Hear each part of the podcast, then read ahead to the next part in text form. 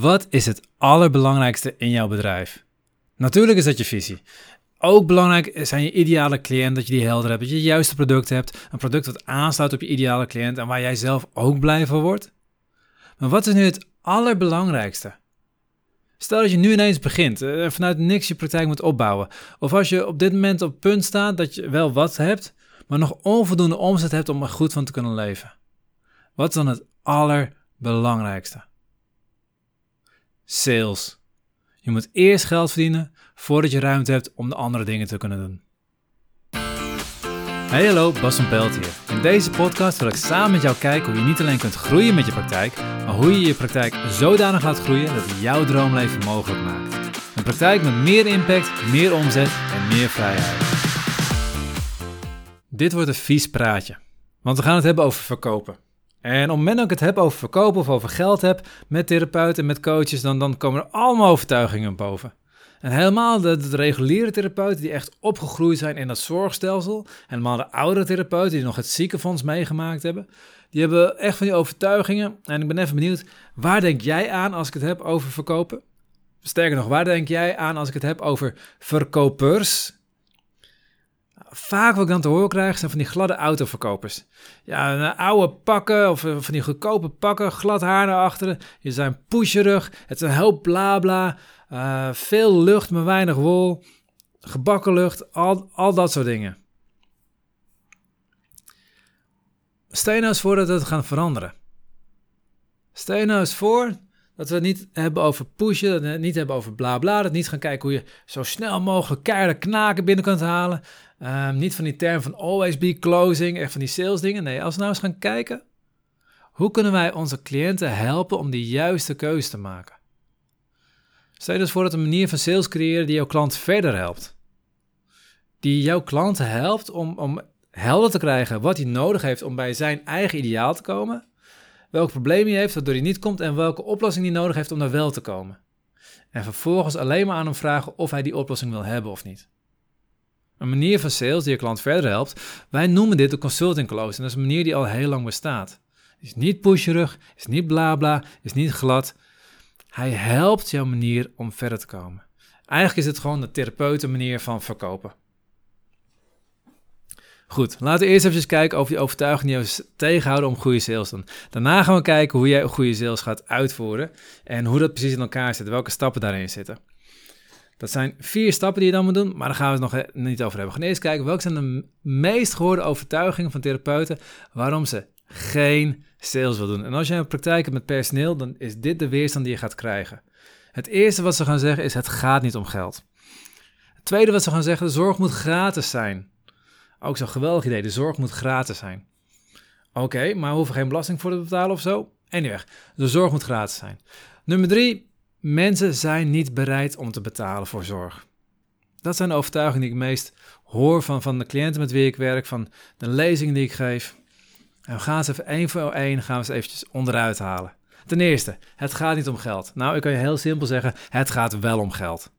Als je ooit bij je bakker bent geweest en zegt van ja, maar bakker, dat brood, dat is een eerste levensbehoefte. Dat krijg je toch gratis van je? Nou, je, je kan meteen door de deur weer naar buiten lopen, want hij is niet blij met jou. Als je ooit tegen de bank hebt gezegd, ja, maar een huis, ja, dat, dat, hoor ik, dat heb ik gewoon nodig. Ja, ik kan de hypotheek niet betalen, maar dat, dat hoor je toch gewoon voor me te doen. Het gaat om geld. Zo simpel is het. Het gaat om geld. Geld geeft ruimte. Als jij in je praktijk staat en je praktijk is op het punt van net wel dat je kan van kan leven, nog net niet ervan kan leven. Je hebt nog een baan ernaast en je hebt die baan nog nodig. Op het moment dat je meer omzet gaat creëren, krijg je meer ruimte. Kan je die baan opzeggen. Waardoor jij nog meer kunt werken aan je eigen ontwikkeling binnen je praktijk. Waardoor je nog meer aan je praktijk kunt werken. Überhaupt, als jij wilt investeren in in je ontwikkeling, of nou vakinhoudelijk is, of op ondernemersgebied of persoonlijk, dat kost geld. Dat kost tijd. En als je tijd vrij wil hebben, nou heel simpel, maar hoe krijg je meer vrije tijd? Als je meer geld verdient op het moment dat je wel werkt. Dus geld geeft ruimte. Als je een nieuwe dienst wilt ontwikkelen, heb je daar geld en tijd voor nodig. Geld geeft ruimte. Het gaat wel om geld. Uiteindelijk gaat het helemaal niet om geld, want het gaat om dingen die je doet met geld. Maar geld is nodig om die dingen te kunnen doen. Nummer twee is: zorg moet gratis zijn.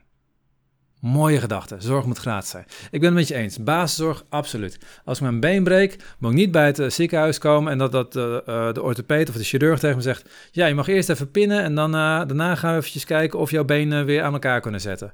Dat ik dan zeg van ja, maar ik heb momenteel niet genoeg in berekening staan. Ja, nou ja, dan kom je maar terug als je wel genoeg in berekening staat en dan gaan we je benen aan elkaar zetten. Dat hoort natuurlijk niet. Natuurlijk, die basiszorg wordt, wordt gratis zijn. Ziekenhuis wordt gratis te zijn. Als ik een heftige aandoening heb, waar ik gewoon zo'n gigantisch bedrag aan uh, medicatie voor, voor kwijt ben, om überhaupt gewoon in leven te kunnen blijven, dan snap ik dat moet gratis zijn. Maar alles wat je doet voor je eigen ontwikkeling, en bedoel ik niet alleen je mentale ontwikkeling, je emotionele ontwikkeling, maar ook je fysieke ontwikkeling, daarvoor moet je gewoon zelf investeren. Heel simpel, als ik van mijn rugklachten af wil komen, dan kan ik best een stuk zelf doen. Een stukje basiszorg moet, moet gratis zijn daarin. Maar nog steeds, daar kan je ook zelf voor zorgen. En je kan kiezen voor de gratis fysiotherapeut of je kan kiezen voor de fysiotherapeut, orthopeed, acupuncturist die net even iets meer kost, maar die ook iets meer resultaat gaat krijgen. Het grappige is, van op het moment dat je zelf gaat investeren daarin, het moment dat je cliënten zelf investeren, als ze energie in gaan investeren, in tijd gaan investeren en meer geld gaan investeren, gaan ze ook meer resultaat krijgen. Er is een geweldig onderzoek onder coaches uitgevoerd. De coaches die deden allemaal gewoon hun ding. Die coaches wisten niet hoeveel hun cliënt ervoor betaalde. Dus de cliënt die betaalde of veel of weinig. Die coaches wisten niet wat ze ervoor kregen. Dat was gewoon, ja, dat wist de onderzoeker alleen. aan het eind van het traject gingen ze kijken wat was het resultaat van de cliënten. Nou, heel simpel gezegd, de cliënten die meer betaalden, hadden meer resultaat.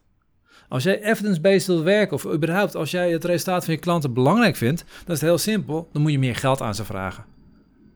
Zo simpel is het. Dat is punt 2. Zorg moet gratis zijn? Nee, basiszorg moet gratis zijn. Alles wat je doet om verder te komen, en bedoel ik ook fysiek verder te komen, alles wat je doet om van je blessures af te komen, om te zorgen dat je lekker in je vel zit, dat je weer meer uit het leven kunt halen. Ja, hoe meer je daarvoor investeert, hoe meer je cliënt daar ook voor gaat doen. Dus basiszorg moet gratis zijn, maar jouw zorg hoeft echt niet gratis te zijn. Kom je bij de derde. Mensen zijn helemaal niet bereid om bij te betalen of überhaupt om alles te betalen. Ja, en heel veel therapeuten denken dat. En het grappige is, heel veel therapeuten en coaches met wie, ik gewerkt heb, aan het begin van het traject, dan, dan, dan, hebben we het over productontwikkeling en over hoe je ja, mensen een hoog tarief kunnen laten betalen. Dan zeggen ze allemaal tegen ja, maar mensen zijn helemaal niet bereid om dat te, te betalen. Dat willen ze helemaal niet, daar willen ze geen moeite voor doen. Al dat soort opmerkingen, ik heb ze allemaal gehad. Het grappige is, aan het eind van het traject zien ze allemaal dat onzin is. Hebben ze allemaal een product ontwikkeld waar mensen gewoon voorbij betalen. Sommigen hebben producten ontwikkeld waar mensen voor 100% gewoon van betalen. En hun cliënten doen het gewoon. En ik heb zoveel therapeuten al gezien met cliënten die gewoon helemaal geen geld hadden. Ik heb, ik heb zelf ook cliënten gehad die zaten in, in de bijstand, die zaten in uh, de schuldsanering. En toch was het mogelijk. Altijd was er een mogelijkheid. Weet je wat het is? Mensen betalen voor waarde. Als het waardevol voor ze is, willen ze ervoor betalen. Het enige probleem is, soms zien ze het niet als waardevol. Kijk, weet je wat is? Mensen, zelfs mensen met heel weinig geld, die hebben nog steeds geld over voor sigaretten. Kunnen ze soms zelfs gewoon 5 euro per dag aan betalen aan sigaretten, terwijl ze verder geen geld hebben. Ze hebben geen geld voor de fysiotherapie, de acupunctuur, de coach. Maar ze hebben wel 5 euro per dag geld voor sigaretten. Dat is 150 euro per maand wat ze gewoon beschikbaar hebben. Ze hebben wel geld om in het weekend bier te gaan drinken. Ik kom mensen tegen op de kermis en, en die geven geld uit aan, aan alcohol. Dat geef ik nog niet eens uit aan een vakantie soms. Dat doen ze allemaal. Over vakantie gesproken. Heel veel mensen gaan gewoon elk jaar op vakantie. Daar hebben ze allemaal geld voor. Dat vinden ze het waard. Als ze jou niet willen betalen voor jouw dienst, dan ben je in hun ogen niet waardevol. Je bent wel waardevol, maar in hun ogen ben je niet waardevol. Zij zien je waarde niet. En het kan zijn omdat je commodity bent, omdat je hetzelfde doet wat alle andere therapeuten en coaches om je heen ook doen. Simpel voorbeeld. Ik kan fysiotherapie, kan ik in Alkmaar alleen al, kan ik op, op, volgens mij een stuk of 20, 30 verschillende plekken krijgen. En overal krijg ik fysiotherapie. Dus waarom zou ik er meer voor betalen? Want ja, fysiotherapie van 50 euro, fysiotherapie van 30 euro. Wat is het verschil? Ik weet het niet, dus ik zie het niet. Misschien heb je niet goed uitgelegd waarom jij meerwaarde biedt. Als je niet goed uitgelegd hebt, ga ik het ook niet ervaren, ga ik het ook niet voor betalen. Misschien ervaart jouw cliënt zijn probleem niet sterk genoeg. Ja, ik heb last van mijn rug. Nou, dan zeg je tegen ze, nou, je kan morgen bij me komen, dan kunnen we wat, uh, het oplossen. Dan ben je er vanaf. Ah ja, morgen komt me slecht uit. Uh, ja, het komt wel een keer. Met andere woorden, ze hebben geen urgentie. Ze voelen niet die behoefte om daadwerkelijk ermee aan de gang te gaan. En heel simpel, als jouw klant geen probleem ervaart, kun je hem ook geen oplossing verkopen. En dat is een belangrijk dingetje. Als je klant geen probleem ervaart, kan je hem ook geen oplossing verkopen. Dus ook het derde punt, mensen zijn niet bereid om te betalen. Het is onzin. Als je cliënt een probleem ervaart, ziet wat jouw waarde is, dan is hij ook bereid om daarvoor te betalen. Zo simpel is het. Je moet alleen zorgen dat je waarde gaat zien. Dat gezegd hebben we over de overtuiging die in de weg zitten. Hoe doe je goede sales? Ik werk daarvoor altijd met een DBVP-methode. En dat is de basis waar je altijd eerst naar gaat kijken. Een DBVP-methode is die hebben we zelf ontwikkeld. Dat is uh, doelgroep, behoefte, vraag, probleem. Die ga je eerst uitwerken en dan ga je erachter komen namelijk wat heeft je cliënt nodig, wie is je ideale cliënt en hoe ga je hem bereiken.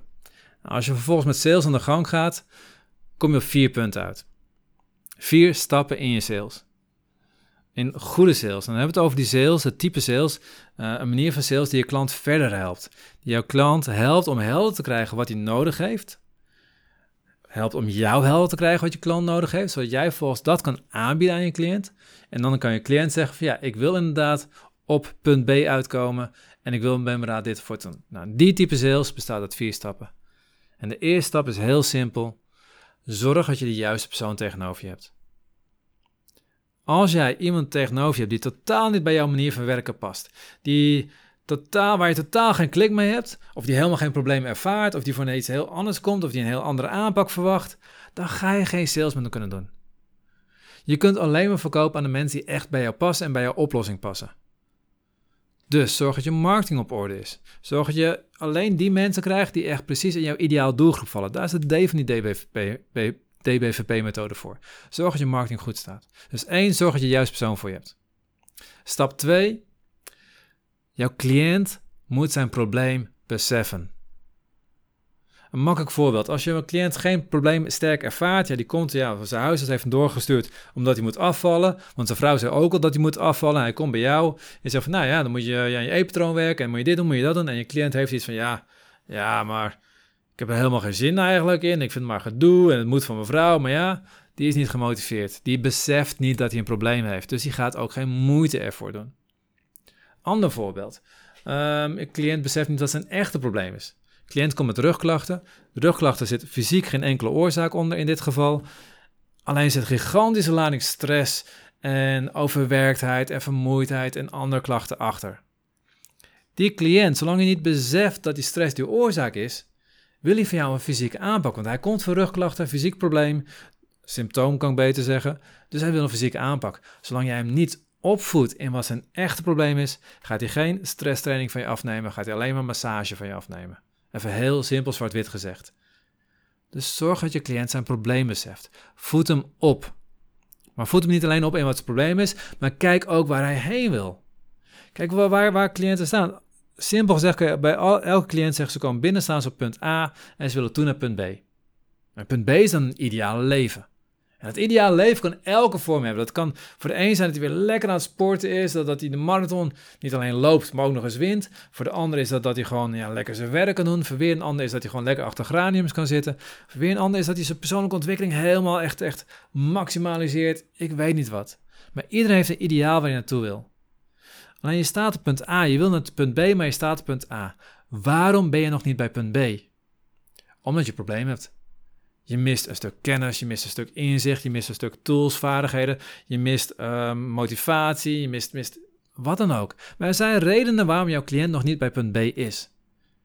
Dus op het moment dat we het hebben over besef wat het probleem is, dus niet alleen ja, überhaupt voelen dat je een probleem hebt, maar ook voelen welk probleem of welke stappen jou weerhouden, of welke ja, dingen jou weerhouden om bij punt B te komen. Jij hebt een probleem, want je weet namelijk niet hoe je bij punt B gaat komen. En dat is jouw probleem. Je mist die kennis, je mist die inzicht, die dingen. Dat moet je helder gaan krijgen. En jouw cliënt moet het gaan voelen. Dan kunnen we over naar stap 3. En dat is heel simpel. We gaan aansluiten op dat probleem. Die DBVP-methode, B voor be uh, uh, behoefte, P voor probleem. We gaan nu aansluiten op de behoefte en probleem. Jij wil, jouw cliënt wil, naar punt B. Je staat nu op punt A, maar je wil naar punt B. Je kan niet bij punt B komen omdat jij hebt probleem X, je hebt probleem Y en het probleem Z. En die houden jou tegen om bij punt B te komen. Welke oplossing past daarbij? Nou, wij hebben een oplossing die je helpt om van A naar B te komen, waarbij oplossing A lost probleem X op, oplossing B lost probleem Y op, oplossing C lost probleem Z op. En dat is jouw hele verhaal. Tijdens een intake, tijdens een strategie-sessie, tijdens een salesgesprek, vraag aan je cliënt: Oké, we gaan helder krijgen waar sta je nu. We gaan helder krijgen waar wil je naartoe. Oké, jij staat op A, je wil naar punt B. Maar je komt niet bij punt B, want daar heb je mijn expertise als therapeut voor nodig. Help ik jou om helder te krijgen waar je daar niet komt. Oké, dus je hebt probleem X, Y en Z. Dan hebben we het gesprek met de cliënt. En dat is het simpel, is nog steeds in stap 3. Gaan aansluiten op die cliënt. Dus wij zeggen tegen de cliënt, dus als ik je goed begrijp, sta je nu op punt A, wil je toen naar punt B, maar kom je er niet omdat je probleem X, Y en Z hebt. Nou, ik heb mijn traject en in het traject hebben wij oplossing A voor probleem X, we hebben oplossing B voor probleem Y, we hebben oplossing C voor probleem Z. Dat traject is op gericht om door X, Y en Z op te lossen, jou van A naar B toe te helpen. En dan stel nog alleen nog maar de vraag: is dit wat je wilt? Dat is hele stap 3. Is dit wat je wilt, is de laatste vraag die je stelt. Als je klant daarop ja zegt, dan gaan we naar stap 4. En dat is gewoon de deal sluiten. En het enige wat je dan nog zegt, als je klant ja gezegd heeft, dat is inderdaad wat ik wil. Dus het enige wat je dan nog zegt is, wanneer wil je beginnen?